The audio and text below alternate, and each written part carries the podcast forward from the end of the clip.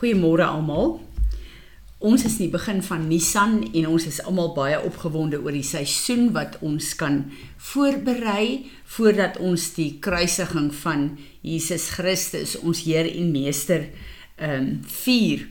En uh, in hierdie proses uh, ervaar ek dat die Heilige Gees regtig waar uh, so besig met my is en ek het ook uh die van julle wat die droom geluister het in in uh, apostel Tim se verklaring gehoor het, het ek ook regtig begin verstaan hoekom die Here ons terugvat na al die basiese goed in die woord toe en vir ons waarsku daar is sekere goeders wat ons moet versigtig wees.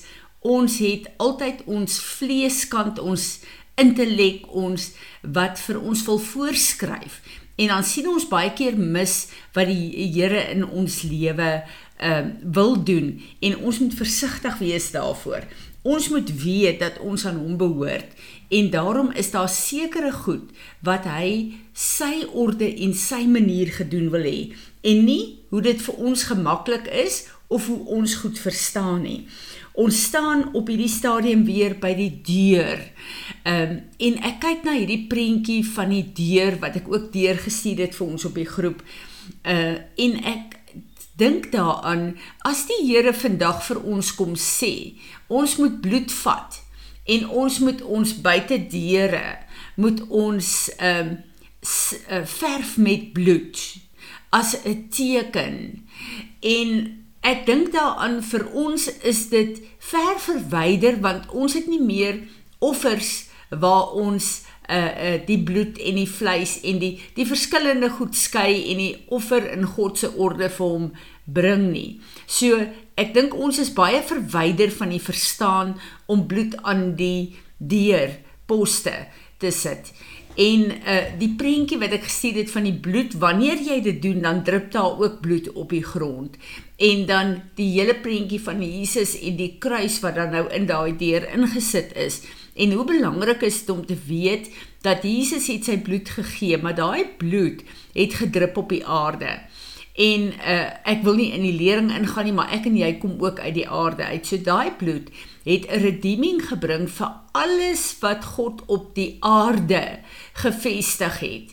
En ons weet dat die aarde het uh, het uh, alles kom uit die aarde uit. Dis dis uh, die ontstaan van alles is uit die aarde uit want die aarde is die bron en God het die aarde vir ons gegee om op te lewe. God se plan vir ons is op hierdie aarde.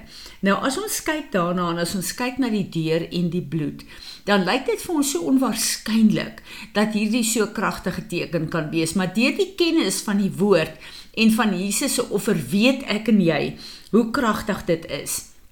En uh uh as ons kyk na die dieper betekenis daarvan, nie net na die hierdie is 'n deur en die bloed is daarin geverf nie, dan besef ons dat daai profetiese aksie is letterlik 'n deur is 'n ingang. Hierdie deur is 'n ingang vir my en vir my gesin, maar meer as dit Die profetiese aksie daar is dat Jesus hierdie deur vir my geword terug na my Vader se huis toe, terug in my ewigheidslewe in. En dit is die belangrikheid van die deur veral in hierdie tyd terwyl ek en jy dit ehm uh, uh, uh, doen en dit vier en dat ons begin in ons lewens weer terug te bring en te kyk hoe lyk ons lewens. Ehm um, ek kyk na die verskillende plekke waar die Here gesê het. Ek wil ek wil hê julle moet my manier. Daar's 'n orde wat ek hier instel. Moenie met julle gedagtes en julle intellek probeer dink nie. En ons kyk na die die uh olie op die kop om te dink dat 'n oliekorrel 'n 'n 'n olie druppel uh op ons kop verteenwoordig in die simboliek Jesus Christus die gesalfde een en dat wanneer dit op my kop kom, jou brein beheer jou hele liggaam. Letterlik van bo jou hele liggaam uh word geïnfiltreer deur daai olie want daai olie verteenwoordig Jesus Christus. Maar ek en jy sal dink met ons intellek maar uh hoekom moet ons nie sommer net in olie bad nie en ons hele liggaam daarmee bedek nie as hierdie olie so kragtig is nie. Maar God kom en hy sê kom salf jou en die salwing was op die voorkop en hy sê dan sal dit oorloop in jou hele liggaam en tot op die kleed ook. Ons kyk na die simboliek van Jesus. Uh toe hy die disippels se voete gewas het. Um vir ons sal dit nie eintlik regtig waar vreeslik sin maak nie, want um soos Petrus gesê het, maar was my hele lyf As hierdie so belangrik is, was my hele lyf want die die uh, water is eintlik 'n die die simboliek van sy van sy woord. Uh, waar uh, en eintlik dit beteken om te sê vir Petrus maar uh, vir die disippels maar julle moet in my woord wandel hier op aarde. So dit gaan nie net oor voete was nie, maar dit gaan oor die simboliek en daarom kom Jesus en hy sê nee Petrus, dis genoeg as ek jou voete was, want as jou voete in my woord is, dan gaan jy wandel op die pad. Ek gaan saam met jou wees die hele tyd en as jy op my pad wandel, dan is jy in my perfekte wil, dan kan geen onheil jou wegvat van my af nie. So daai uh, plek waar Jesus kom en sê hier is my struktuur, hier is die manier wat ek wil hê julle moet my dien. Bring ons na 'n plek toe waar ons ons verstand en ons intellek, ons ervaring, ons opinie, ons persepsie baie keer uh vir ons laat dink sekere goed maak nie sin nie maar die krag lê in hoe God wil hê ons moet dit doen nie in hoe ek en jy dit wil doen nie ons kyk na die verbondsmaal uh ek het lank gewonder en gesukkel om te verstaan hoekom het Jesus gesê hierdie brood is my liggaam hierdie bloed uh, is my lewe. As jy van dit drink, is jy in die verbond met my. En ek kon dit nie verstaan nie, want ons kom vanuit 'n westerse plek om uh hierdie goeders te te uh probeer verstaan. En toe ek lees oor die verbonde en ehm um, Bulak het eintlik die die ding vir my oopgemaak met 'n studie wat hy gedoen het uh oor die verbond in die ou tyd en veral daar in die Midde-Ooste. As hulle 'n verbond gesluit het, Ons moet weet in daardie tyd in die ou dae was daar nie kos vrylik beskikbaar soos ons nie. En as daar droogte op aarde was, was daar 'n hongersnood want die diere het gevrek en daar was net eenvoudig nie kos nie. So oorlewing was vir hulle 'n groot ding en honger, hongersnood was vir hulle 'n realiteit. En wanneer daai mense met mekaar 'n verbond gesluit het, het hulle nie net hulle wapens uitgereël, hulle besittings uh, uitgeruil, uh, dit oor en weer gedoen nie, maar die persoon wat die verbond sluit het dan ook gesê Wanneer daar 'n hongersnood kom en jy het nie meer kos om te eet nie, dan gee ek my liggaam vir jou om te eet en my bloed om te drink om te oorleef sodat jy nie doodgaan nie. So ek gee my lewe, jy kan my eet en drink, jy kan my doodmaak sodat jy kan oorleef en jou familie kan oorleef.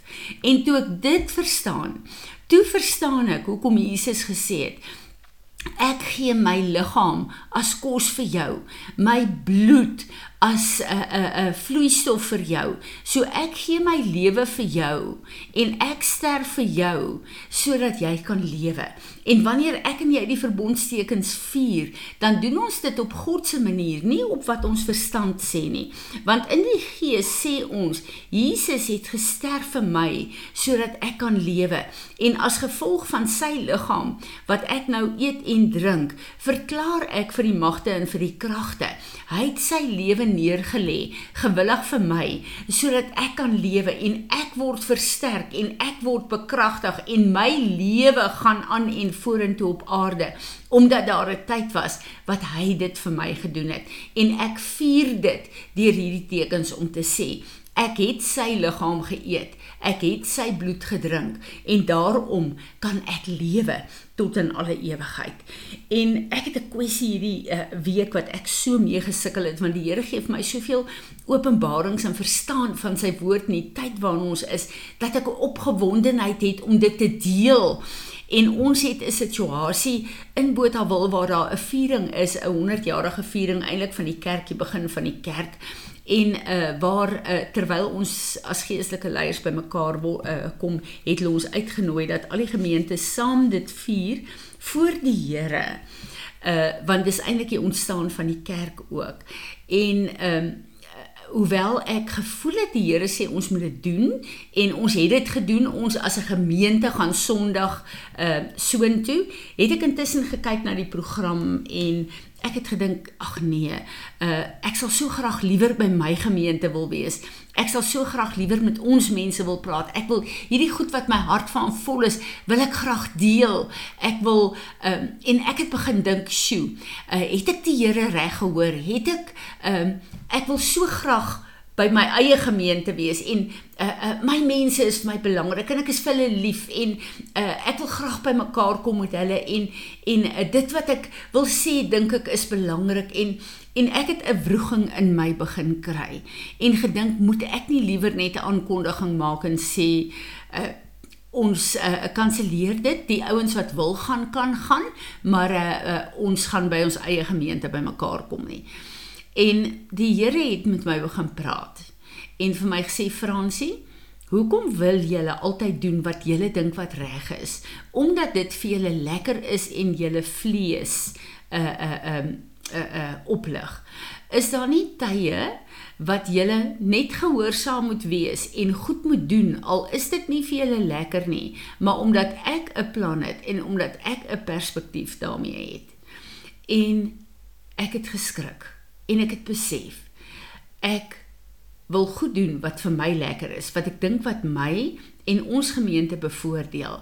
Maar daar is iets waarskynlik in die gees waar die Here ons teenwoordigheid by wil hê. En dit lyk nie vir my of daar enigiets gaan gebeur wat vir ons wow en groot en geestelik is nie. Maar vir God is dit belangrik dat ons op 'n platform moet kom waar ons sy eenheid en sy teenwoordigheid moet manifesteer. Soos Petrus destyds geloop het en sy skade weet dit wil sê God se teenwoordigheid mense aangeraak het sonder dat Petrus dit weet wil God dalk ons op 'n plek hê om sekere goeders te doen of oor te dra deur ons sonder dat ons daarvan bewus is. Maar ek wil liewer op 'n plek wees waar ek dink dit gaan vir my lekkerder en beter wees en ek moet myself voor die Here humble en sê Here, ek is so jammer. Alles gaan vir my eintlik oor Fransie van Wyk en dit wat haar bevoordeel. Vergewe my. Vergewe my dat ek nie u wil volg soos wat u wil hê ek moet u volg nie, maar dat my verstaan en my persepsie vir my belangriker is as u plan. En hiermee wil ek vir julle sê, kom ons volg God in sy orde of ons dit verstaan of nie. En wees in hierdie tyd versigtig om jou begeertes om jou eie vlees altyd net gemaklik te hou en op te bou. Ons dien hom. Daarom moet ons hom dien soos wat hy ons roep en nie soos wat ons dink dit vir ons lekker is nie Mag hy ons help in hierdie tyd van voorbereiding en ek bid vir julle.